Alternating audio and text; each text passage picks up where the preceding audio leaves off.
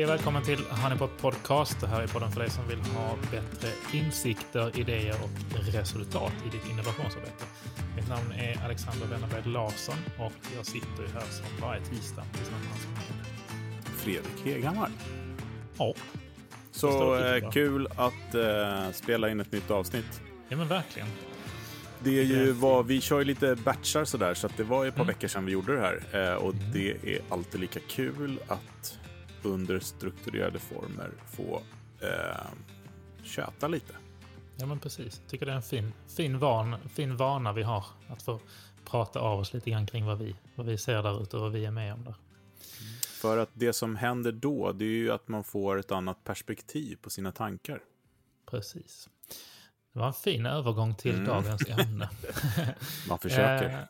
Eh, ja, fina övergångar. Eh, det ett begrepp som, eh, ehm, i alla fall det som begrepp var det för mig du som myntade första gången. Eh, när du sa att det handlar om kraften i perspektiv. ja. Eh, vad, vad är det du menar med det? Nej, men egentligen så är det ju grunden, vi har ju pratat väldigt mycket om det här tidigare i podden, men det här des- design thinking eh, metodiken så att säga. Och design thinking metodiken handlar ju om att man, man sympatiserar med liksom den som ska använda produkten eller tjänsten. Och att man iakttar och då på så sätt då kan pinpointa eh, riktiga problem som behövs lösas. Eller hitta eh, möjligheter, utma- eh, vad ska man säga, möjligheter helt enkelt, utmaningar också för den delen. Eh, och det här kan man ju också applicera när man jobbar för att lösa saker och ting såklart. Så att om man tänker sig ett klassiskt företag som har eh, olika avdelningar med folk som har olika ansvarsområden, tenderar ju ibland att bli någonting som man frekvent kallar för silos. Det vill säga marknadsavdelningen jobbar med sitt och IT med sitt och legal med sitt. Eh, och det är ju inte det bästa sättet att lösa saker och ting för att vi behöver fler hjärnor och ett, fler perspektiv när vi ska lösa saker helt enkelt. Mm. Då är det väl Där- därifrån det kommer. Ja, ja precis. Ganska enkelt. It takes a village to raise a kid. Mm. är, det, är det idén som är lösningen som är själva barnet då? Eh, ja, eller problemet, precis. Eller problemet? Ja. Möjligheten och problemet. Mm. Men oftast så eh, när det handlar om just olika hjärnor, man pratar ju oftast om eh, diversifiering och eh, ett, ett begrepp som många bolag har uppe på, på bordet nu i alla fall, att man ska ha en, en, en att man ska blanda upp mer helt enkelt. Ha en mix av, Mångfald. av olika typer av, ja mångfald exakt heter det på svenska. Det var Mm. bra, du sa det. Jo, nej, Vad- men, och och det är super, super viktigt det här med mångfald. Eh, det är ju eh, kanske viktigare än någonsin när den här världen blir allt mer och mer eh, individualistisk. Eh, så, eh, så tenderar vi att bli liksom mer enkelriktade. Eh, och då är ju mångfald jätte, jätteviktigt. Eh, men när, när vi pratar på Hives om mångfald så använder vi ordet perspektiv istället. Bara för att det går ju lite... Ja, men det har blivit lite urvattnat, om man får säga så. Hur någonting så viktigt kan bli ur, urvattnat. Men jag ska förklara vad jag menar. Det, det är för att det blir sånt fokus på etnicitet, på kön, på ålder och, och, och eh, ekonomisk... Alltså massa grejer som, som då förknippas med, med mångfald. Där i det arbetet som vi gör, alltså jobbar med att hitta nya möjligheter som kan bli innovationer eventuellt. Det, det spelar väl ingen roll om du är kinesisk kvinna 76 år om du kommer med lösningen. Det är helt orelevant. Liksom. Mm. Då är det mycket bättre att titta på perspektiv och vad folk har för olika kunskaper om vad de kan komma in med för värden. För det är också så, eh, det som fantastiska med oss människor, det är att vi har ju olika perspektiv. Vi har ju det, vi, men, men vi identifierar oss väldigt mycket med vad vi jobbar med. Men du kanske har en hobby som gör att, att eh, det perspektivet på en lösning är det som knäcker eller liksom du, ja men du har kunskaper som du inte liksom sitter inne på på jobbet eller eh, en grej som också så här, eh, jag har ju varit ute och föreläst mycket i världen, framförallt när jag jobbade förut då inom kommunikationsbranschen så var det mer internationellt. Och där var det ju oftast att man var väldigt nyfiken på Sverige, för att vi rankar så himla högt upp när det kommer till kreativitet, speciellt inom kommunikation, reklam eh, mm. och webb och sånt. Och då kan man ju titta på, man har försökt så här, varför är det så? Jo, men, och varför är vi så duktiga på digitalt då? För det är framförallt inom det jag har jobbat med, digital kommunikation. Ja, men vi hade ju eh, datorer tidigt. Vi hade bredband tidigt. Vi hade det här hemdatorpaketet. Vi har också fri utbildning. Alltså det är halleluja på det. Alltså, även om skolorna idag på grund av den här individualismen som har rullat in blivit sämre, om du frågar mig. Eh, nu är inte det här någon politikpodd, men, men, ja, men vi har gratis skolor och sånt. Men kanske, kanske det viktigaste av allt är att vi har fem veckors semester eh, enligt lag. Vi har fem veckor som vi svenskar nyttjar ganska bra genom att få in andra perspektiv. Vi, kanske, vi reser ju mycket som folkslag. Nu, är, nu vill, vill vi ju inte att folk ska resa just nu, men historiskt sett, vi har rest väldigt mycket, vi har bytt miljöer och sånt där. Och arbetarrörelsen till exempel, de var väldigt tidiga med att ha så här rekreationscenter man kunde åka till och för att få liksom tanka och få idéer, nytt perspektiv. Och det är det som har gjort att vi är så himla duktiga, skulle jag vilja säga. Andra länder så har man väldigt lite tid för att få andra perspektiv. Man har väldigt lite semester. Jag menar, jag i USA, jag jobbar på Google, jag hade tre veckors semester, men jag hade aldrig tid att ta det. Så jag hade ju lika gärna kunnat haft tio veckors semester, det hade inte spelat någon roll. Om du förstår. Ja, absolut. Men det är så intressant för att jag, eh, eh jag, jag har märkt det ofta när jag är sjuk. Om jag, jag, har, någon, jag har något konstigt eh, i musen. När jag åker på förkylning eller feber någonting så blir jag liksom däckad i en vecka. Eh, ja. Men det gör ju att man verkligen, man kan liksom verkligen inte jobba. För att man är helt Nej. urpumpad. Mm. Eh, när man är eh, och säng, sängliggandes. Men det roliga är att oftast efter en eller två sådana veckor så eh, kommer jag ofta tillbaka med två eller tre lösningar på problem som man har försökt lösa länge. Men mm. där man kommer tillbaka med någonting som man i efterhand tycker är uppenbara lösningar på de problemen. Men man har kommit på dem först när man har fått distans till dem. Ja, men reflektion, precis. Ja. Och grejen är också att, jag vet inte hur du är, men jag är ju en sån som nu för tiden lyssnar ju på podd hela tiden nästan. Ja. Eh, men alltså det gör ju underverk att stänga av den där podden på promenaden eh, en timme istället. Mm. Alltså för att ha tid att tänka eller när man springer eller någonting. Det, Men det, det är intressant för vi snackade om det här en veckan. Ja, att vi, vi är ganska lika där att vi alltid har någon form av ljud på ju. Om mm. vi är ensamma, antingen eh, musik eller podd. För mig är det faktiskt oftast podd, men du nämnde ju det här en veckan att du hade bytt till eh, musik. Ja, men alltså jag försöker, den, den, den, veckan gjorde jag det, nu är jag tillbaka på podden, för jag är så vetgirig, för jag, gillar ju att lära mig saker. Men eh, jo, men jag hade en vecka där jag lyssnade på musik istället, som jag alltid gjorde förr i tiden, men inte lika mycket som poddarna har kommit, om man säger mm. så. Men, men det är också att jag är en radiomänniska, jag har lyssnat på radio sedan jag föddes. Liksom. Mm. Alltid haft radio på dygnet runt. Eh, men, eh, nej men, eh, jag hade helt andra tankar när jag lyssnade på liksom Wildflower med Tom Petty. Riktigt bra album för övrigt. Så sjukt bra. Och också tips om dokumentären på YouTube. Ja. Ja. Eh, när de gör den, den heter Some Place I Feel Free. Mm. Nej, Somewhere I Feel mm. Free. Mm. Jag har fortfarande inte sett den. Nej, den är suverän. Alltså, och dessutom så finns det ju en låt som heter Honeybee. Mm. Och plattan Wildflowers med ett riktigt, eh, med ett riktigt eh, bra rökare, En riktig rökare. Ja. Jo, nej, men, men det här med perspektiv är ju väldigt viktigt. Och när vi jobbar i workshops så brukar vi alltid börja med så här, och det kan kännas fånigt kanske, men då säger jag så här. Ja, men eh, vad heter ni, vad gör ni och vad har ni någon superpower? Mm. Eh, och, och så brukar jag börja liksom för att sätta sätta liksom att ja, men jag är kreativ. Ja, jo, det är en jättebra superpower, men det är alla här inne. typ så här. Men då, jag brukar säga att jag, är, jag är gammal flyg, flygplansmekaniker, så jag brukar säga att jag kan laga jetmotorer. Och sen så nästa bara, oj, vad ska jag göra? Ja, men det brukar bli så här, men jag är jätteduktig på att åka skidor, eller jag, jag gör eh, världens bästa tiramisu eller jag kan stå på händer och rapa. Alltså det blir, det blir massa grejer eh, som inte har att göra med att jag är kreativ, jag är jättebra på att lösa problem, så här, utan man... Ja, men jag, jag har hört så himla många fantastiska grejer och det blir en jättebra icebreaker, men också så här, åh, vilka bra perspektiv vi har i rummen. Mm. Nej, men det, och det är det, det handlar så himla mycket om att få, eh, eh för mig i alla fall, få distans till saker. Eller få, få utrymme, rättare sagt, skulle jag säga, inte distans, men att få utrymme i hjärnan att, att tänka. Att inte bara matas man med intrycken hela tiden och mm. allting går på repeat, liksom, så då blir det ganska svårt att få fram de där perspektiven kanske.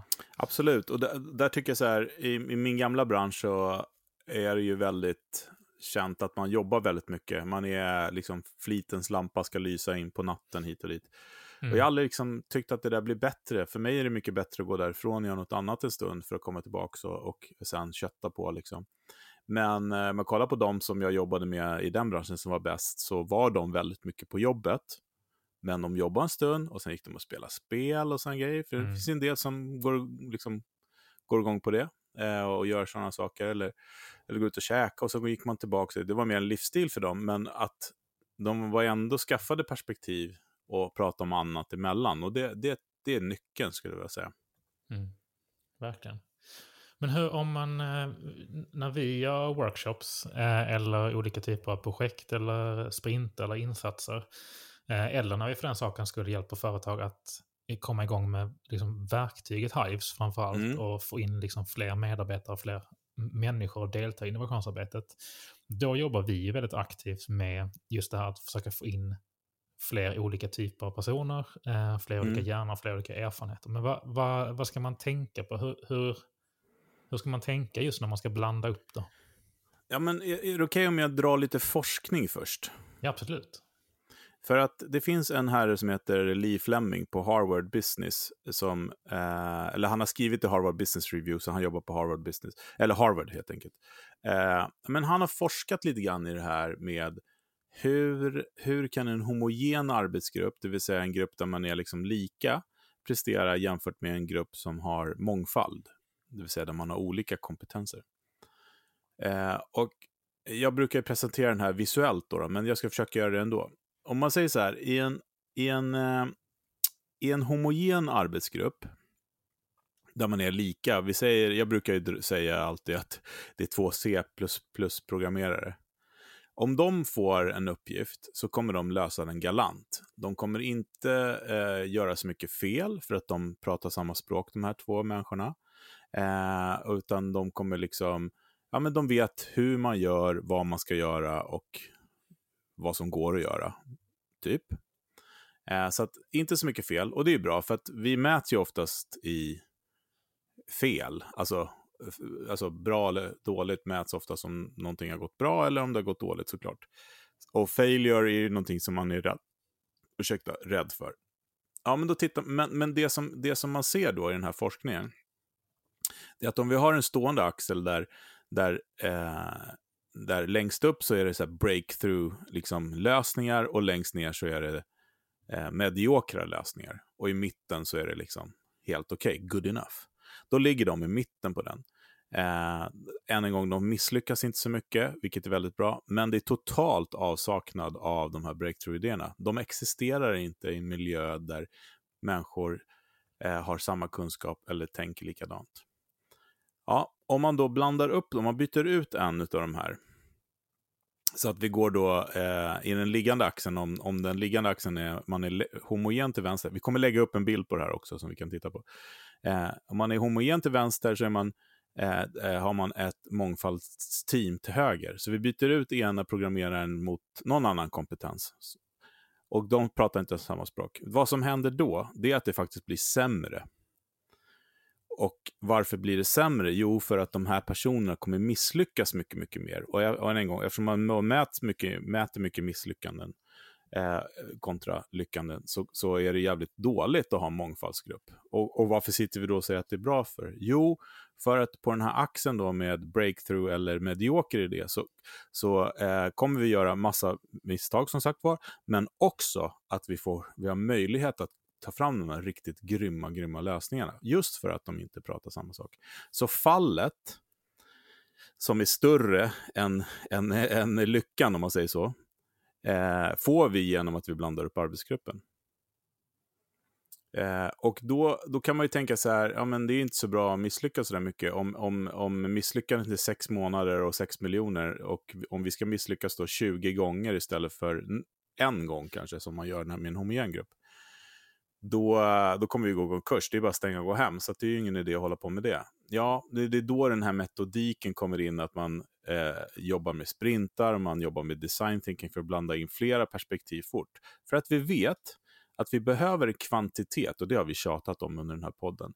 Vi behöver ta fram många lösningar snabbt med en mångfaldsgrupp. Och någon eller några av dem kommer ha väldigt hög höjd. Och de kommer alltid ha, enligt forskningen, högre höjd än den homogena gruppen. Så då, det, det, vi lär oss av det då är att vi behöver mångfald för att komma till de här breakthrough-idéerna. Men vi kommer också behöva misslyckas mycket på vägen dit. För det är, liksom, det är trade-offen, så att säga. Eh, så då behöver vi designa processer som gör om månaderna till timmar och miljonerna till tusenlappar. Och då har vi en väldigt, väldigt bra grund. Och då, eh, om man kommer till så här, vårt verktyg Hives, som kan hjälpa till då med att om man har en process, där här tar vi in insikter, här tar vi in idéer, här tar vi in feedback, här testar vi hit och dit. Då kan man ju då genom det här verktyget digitalt blanda in de här olika perspektiven. Så att man hela tiden är en del av eh, resurserna och organisationen man har helt enkelt. Men det är ju skitintressant för att det är ju, det pekar ju på två saker egentligen. Och jag tänker just på det där med eh, vad ska man säga, de här två växlarna då som man, om man får lov att dela upp det så i företag, att ska vi jobba liksom med, med operations i form av, ska vi jobba med optimering och justering eller ska vi försöka hitta genombrottslösningar eh, för att lösa liksom, ja, problem på nya, på nya sätt helt enkelt. Och det, det säger egentligen det som du beskriver här att det för att hitta de här genombrotts och breakthrough ideas så behöver man inte bara olika typer av team, det vill säga blanda upp, utan man, man behöver också jobba på två olika sätt. Ja, men man behöver designa arbetet eller projektet så att man tillåter sig att testa många grejer. För att merparten kommer fejla. Och då mm. vill man ju fejla snabbt, liksom, så att säga. Det vet vi. Liksom. Så att metoder och processer för att kunna göra det här snabbt. Och en sprint till exempel är ju helt perfekt. Låt säga att vi har en kund som jobbar med vårt verktyg, där man, har, man gör en utmaning som vi vill samla in idéer på. Den, eh, på grund av att det liksom inte är 100% fokus i organisationen på att lösa den där under en viss tid, så kanske man har den öppen under ja, men allt ifrån en vecka till en månad. Mm. Eller hur? Absolut. Det, Ja, eh, och då säger man så här, hej, kom gärna med, med era eh, liksom perspektiv på den här lösningen hit och dit. Men om man gör till exempel en sprint, om jag kommer in och faciliterar en sprint, då har vi liksom både tagit fram idéer och, och även då kanske trattat ner och enas om vad vi ska göra på några timmar bara. Det är det som är lite skillnaden. Mm. Eh, med att ha en liksom, ongoing insamling i ett verktyg. Eh, det sagt så kan man ju ha en organisation som säger så här, när det kommer ett, ett, eh, ett mail från Hives där ni ska komma med idéer, då ska ni göra det på en gång. Jag menar, det är ju det är ways of working i sådana fall. Mm. Så det är en kultur man har. Men, eh, men, men det är, just de här snabba vändningarna är ju viktiga för att man ska kunna jobba med kvantitet. Sen ska jag också säga så att eh, att ha en organisation som hela tiden jobbar med diverse team, alltså åtta timmar om dagen, fem dagar i veckan, eh, blir ju ganska krävande. För det blir, det blir väldigt mycket liksom ad hoc och snabbt och lägga ner, starta om och hit och dit. Så därför tycker jag att det här ska man ha som ett komplement. Om man tänker sig att man har fem avdelningar där man är, har folk som är proffs på det de gör i de avdelningarna. Kommunikation, legal, man har produktion, man har marknadsföring. Eh, då tycker jag att eh, man ska designa en process där man då kan lämna sin avdelning för en kort stund och tillsammans lista ut först vad man ska lösa, men sen också ta fram idéer tillsammans och testa tillsammans. För då får man det här holistiska perspektivet. För vad som händer annars när, när då kreatören tar fram idéer? Jo, de fastnar på IT. För att IT har en backlog, de är inte delaktiga, de, känner, de vet inte vad de ska lösa. De måste liksom släppa allt för att tänka sig och sätta sig in i vad det här kräver. Men om de är med från början, ja då kommer de ju både veta vad det handlar om, men också ge sin synpunkt på det så att man kan snabbare exekvera på det. Likadant med legal, likadant med produktion, likadant med marknadsföring. Så det är superviktigt att få med de här represent, eh, represent vad säger man, Rep, representatives, perspektiven säger vi då, från de här olika avdelningarna. Representation, eh, helt enkelt. Eh, och dessutom får man med kunden i det här också. Då är det ju topp, topp. Och dessutom får man med partners som man kanske jobbar med, som ska bygga det här sen eller, eller så.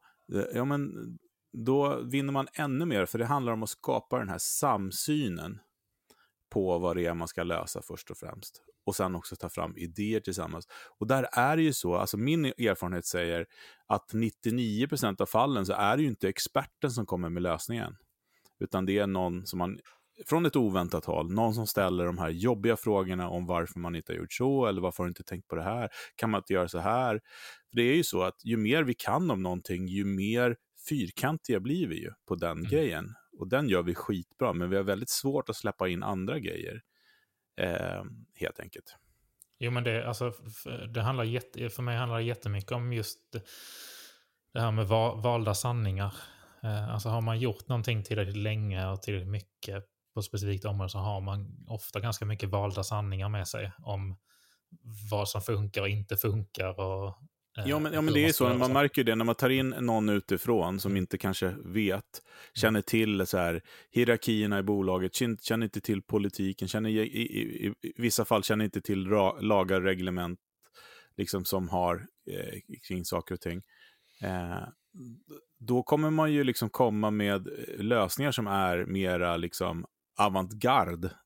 Det blir ju så, för man har inte samma eh, restriktioner helt enkelt.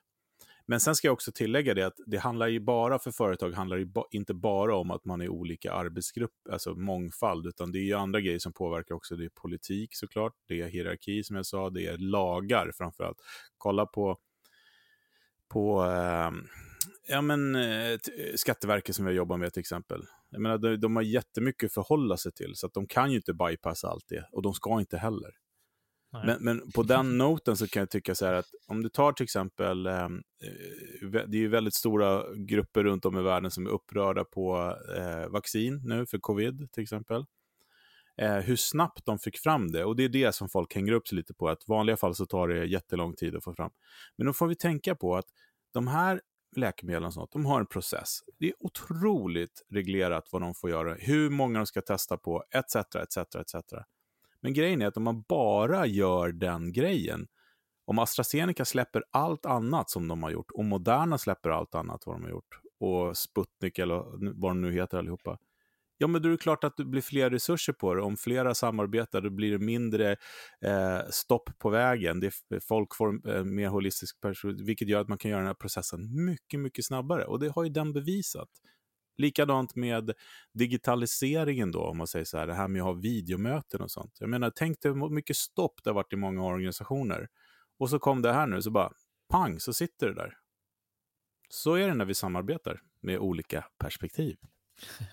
det, är skit, men, men det är skithäftigt. Jag tänker mycket på det i relationen till det som du har berättat tidigare om när du kom hem från eh, att ha jobbat i New York i ett antal år och flyttade tillbaka hem till till Sverige och Stockholm att eh, just det där med designsprinten, eller sprintformatet med var det fem personer i fem dagar eller vad det nu var? Ja, sju personer i fem personer dagar. I fem dagar. Ja. Exakt. Att det var, när det inte riktigt hade hunnit etableras i Sverige än, så var det många som kände att de inte hade fem dagar.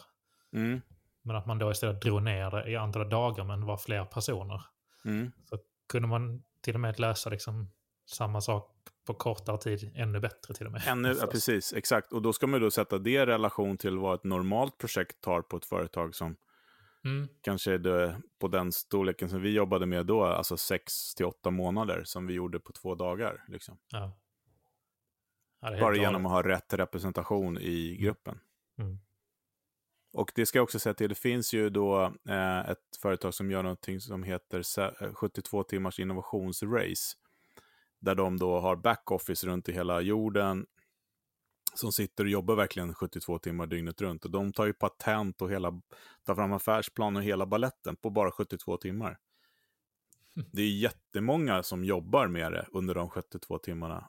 Men eh, om ett företag ska ställa om till exempel, förstår du hur snabbt man kan göra det? Och tänk att slå ut det där jobbet som de gör på 72 timmar på, på, på, på vanlig verksamhet. Så, så, ja, det är nästan tre år ibland.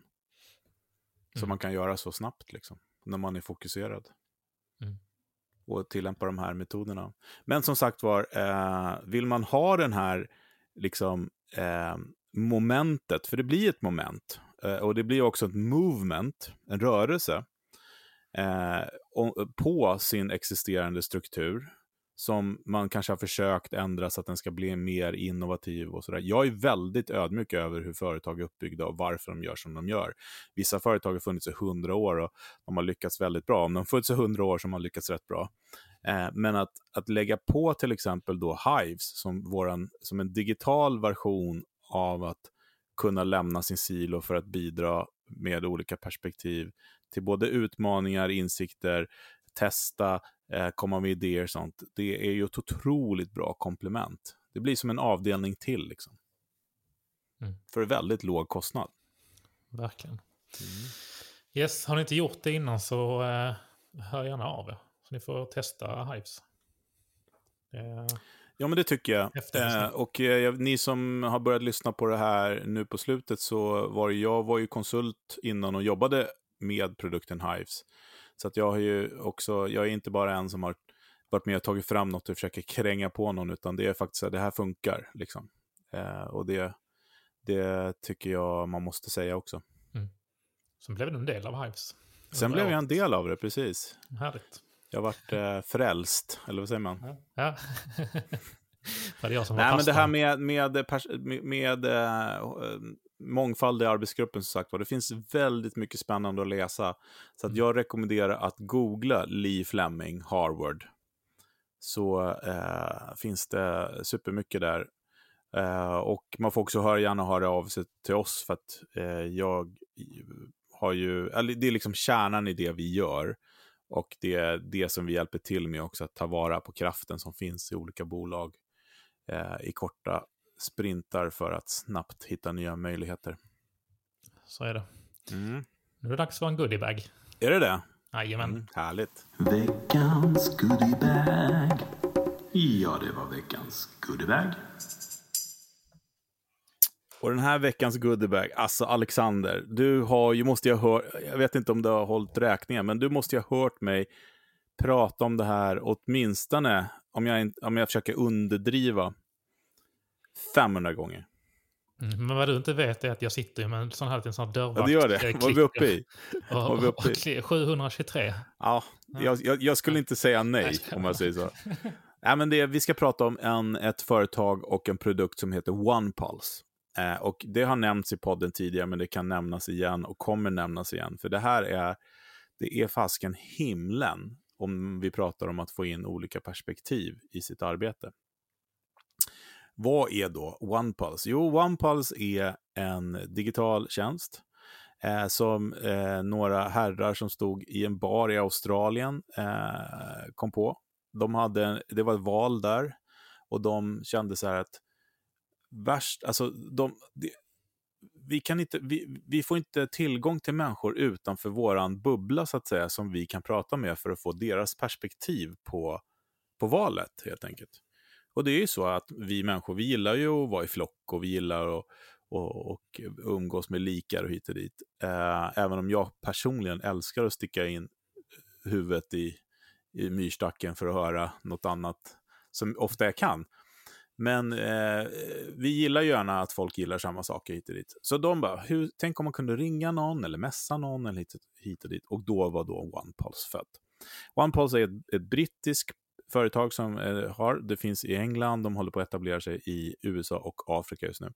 Det är då att, eh, ja, men, det är en tjänst där man kan då segmentera eh, sin målgrupp och man kan ställa tre stycken frågor till en person i den här målgruppen. Eh, och du väljer hur många du vill fråga då till exempel. Och det kostar en pund att fråga en människa tre frågor. Eh, I England så har de väl Ja, men när jag jobbade som mest med dem för några år sedan så hade de 80 000 folk då som svarade på det här. Eh, det borde ju vara mer nu. Eh, och det går till så att jag som eh, ehm, eh, jag har någonting jag behöver ställa frågor om. Eller ta en puls på som de kallar det. Eh, jag går in i, i ett gränssnitt, jag skriver in mina frågor och de här frågorna är ganska svåra ibland att ställa också, så det ska jag, ska jag inte säga att det är lätt, men ehm, vi säger att vi ska fråga om eh, Eh, hur många som eh, kör fyrhjulsdrivna bilar. Eh, vi frågar också om eh, eh, vad, de har, eh, om de, eh, vad de skrapar rutan med, till exempel. Och till slut så frågar vi, har ni startkablar i bilen, säger vi. Vi ställer, ställer sådana frågor. Vi skickar ut till 100 personer eh, som vi har segmenterat då, att vi vill prata med, eh, vi vill prata med män 33 till 38 i stor, storstan. Det pingar till i de här personernas, målgruppens telefoner. Och de svarar snabbt på de här frågorna och för, som tack för hjälpen så får de 30 pence. Så man, liksom, det är mikrosummor här. Eh, och det, en sån här, jag brukar då när jag jobbar med kunder fråga 100 personer, så kostar 100 pund, det vill säga 1500 svenska kronor. Och det tar ungefär 30 sekunder att få svar. Alltså det är helt magiskt. Det betyder att vi kan sitta i ett möte och så här, ska den vara blå eller grön? Ja men vi frågar och så får vi svar direkt. Och de här svaren är väldigt kvalitativa, för man kan tänka att åh vad blajigt det där låter, pajigt. Nej, men det finns algoritmer där som håller koll på vem som svarar vad, så att man inte säger att man gillar jordgubbar en gång och inte nästa gång och sånt. Eh, utan det är otroligt kvalitativt och de som är med är ju inte med för att tjäna pengar initialt, utan de gör det här för att de vill vara med och skapa framtiden helt enkelt.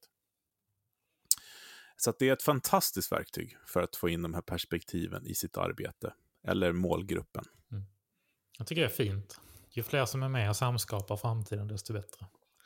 Jo, men också att det går så himla snabbt och lätt. För att uh, göra sådana här undersökningar annars brukar ta ganska lång tid. Um, och ett sätt till exempel som man kan jobba också för att hitta sin målgrupp i en sån här grej är ju jag jobbade med Land Rover. Eh, vi skulle ha tag på en viss målgrupp. Vi frågade några hundra, de här tre frågorna för kriterier ner.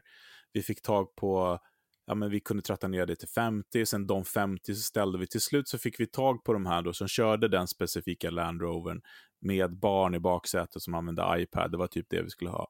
Fem, sex stycken personer som vi kunde fortsätta ställa frågor till för en pund per, per person och omgång. Så att vi gjorde liksom en jättestor marknadsundersökning och fick prata direkt med målgruppen på mindre än en timme för, för bara några tusenlappar. Det är... Det är nice. Det är nice. det är häftigt. Så gå in på onepulse.com. Eh, jag tror till och med att man får testa gratis.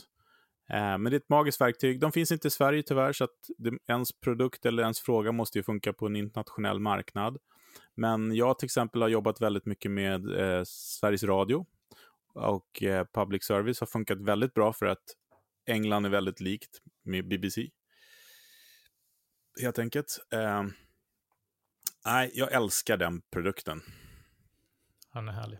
Har man, eh, har man Hives och har man OnePulse, då är man kittad för att lyckas med innovation. Ja, men verkligen. Och, och, faktum är ju att mm, vi kan ju replikera alltså eh, liknande tjänster och funktioner i Hives. Det det bygger på är ju engagemanget från de som då, låt säga att man skickar ut en sån här fråga i organisationen till de mm. medarbetarna.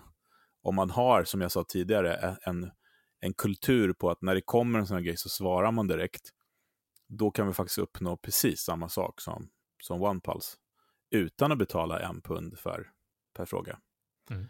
Så att eh, det handlar lite grann om hur man, hur man vill göra liksom. Verkligen. Men det går. Ja, visst. Grymt. Kraften av perspektiv och vikten av att blanda in fler, fler personer i innovationsarbetet. Yes. Körde vi då. Kul det att snacka här varje tisdag. Och tack Mm. för att ni är med oss och lyssnar. Superroligt. Det kommer väl ett avsnitt till på året. Sen så säger vi tack för igår, va? Är det inte så? Jajamän.